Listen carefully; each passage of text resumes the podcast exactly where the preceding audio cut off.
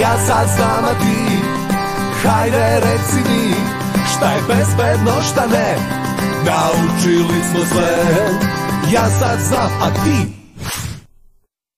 Da li vas roditelji i dalje pitaju da li si oprao zube? Zbog čega nisi oprao ruke? Obuci čistu košulju i kada ćeš pospremiti svoju sobu. Sigurno se osjećate Kao da nema potrebe za ovakvim pitanjima jer ste vi već veliki i potpuno samostalni. Ipak, da li je to baš tako? I da li znate kako se pravilno održava lična higijena? Upravo o tome govorimo danas. U, Jabuka, moje omiljeno voće. E, hoćeš i ti jednu? A jesu oprane jabuke? Tetka nam je rekla da jesu. A jeste oprali ruke? Pa ne moramo svak, e, svaki put da operemo ruke. Sad ću da vas jedem na prava mesta da naučimo još o tome. Dobrodošli i raduje me vaša poseta. Odlučio sam da vam napravim jedan mali video quiz o čudima higijene i nehigijene. Kako su to kapične infekcije? Kada je reč o kapičnim infekcijama, potpuno je jednostavna priča. Svi čovjek koji su zokože e, su prekrivene sa sluzi, znači sa jednom lepljivom e, tečnošću koja omogućuje disanje, e, normalno omogućuje gutanje, omogućuje funkcije pribora za varenje, recimo i tako dalje. Šta to znači? Znate da kada zagrizemo nešto luči se pljuvačka, znate da ponekad pojača sluzokoža kad imamo alergijicu neku ili nešto recimo prehlade, I u čemu se radi? Tu se lete u stvari i nečistoće koje su u vazduhu, lepe se i mikroorganizmi. I sad kad se ja raskošno iskašljem, iz mene izleće oblak, to se ne vidi. Ali taj oblak ide direktno u lice čovjeku koji je zdrav, za razliku od mene koji sam prehlađen. Eto tako nastaje kaplična infekcija. Evo ovde vidite ove kapljice. To je taj oblak, vidite koliko daleko ide. To je rastojanje na metar i po dva. Sve se taloži na podu. Ovako izgleda kad se snimi specijalnom kamerom. Šta može da se desi ako nismo dobro oprali ruke ili voće i povrće koje koristimo? Pogledajte kako nam ruke nekad izgledaju. Mi jako mnogo stvari obavljamo rukama. A onda nas zasvrbi oko je točnička. To je već zaraza.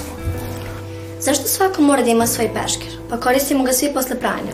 Jednostavno postoje neke stvari koje su vezane za ličnu higijenu i to se ne deli zašto pa nismo svi istog zdravlja čak i u odnosu na pojedine delove tela mudro je recimo uzeti dva peškira e, jedan je za lice e, drugi je za telo A zbog čega je tuš bolji nego kada?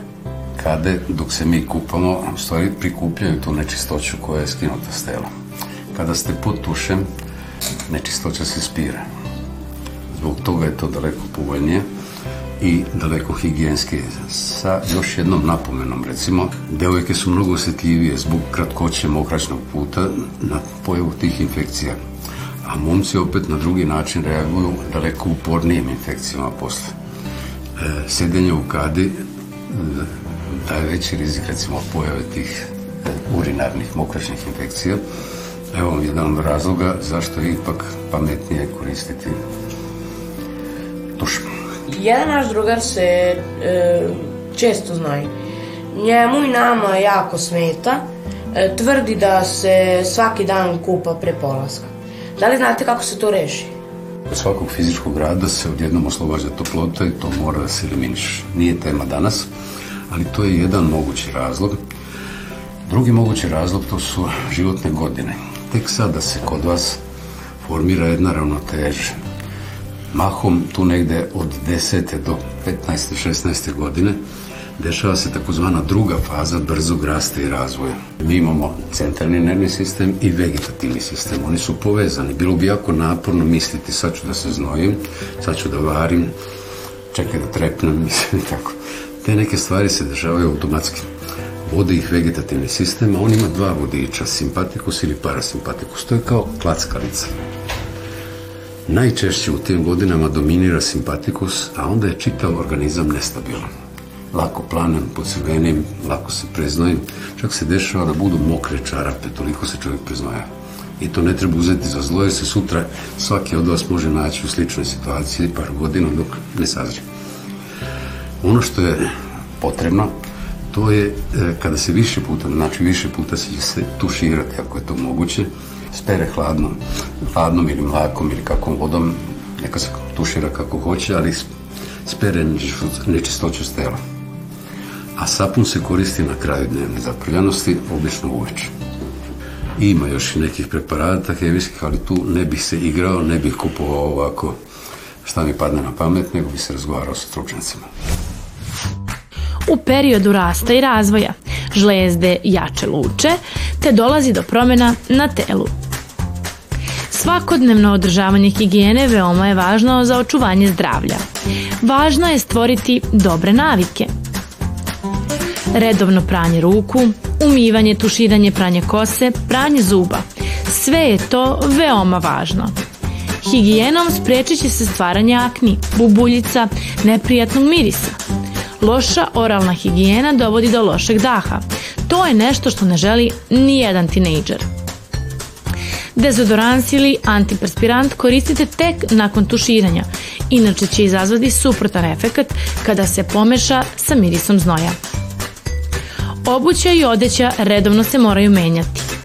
Ništa niste postigli ako na čisto telo navučete već nošene čarape. Pamučna odeća bolje upija znoj od ostalih materijala.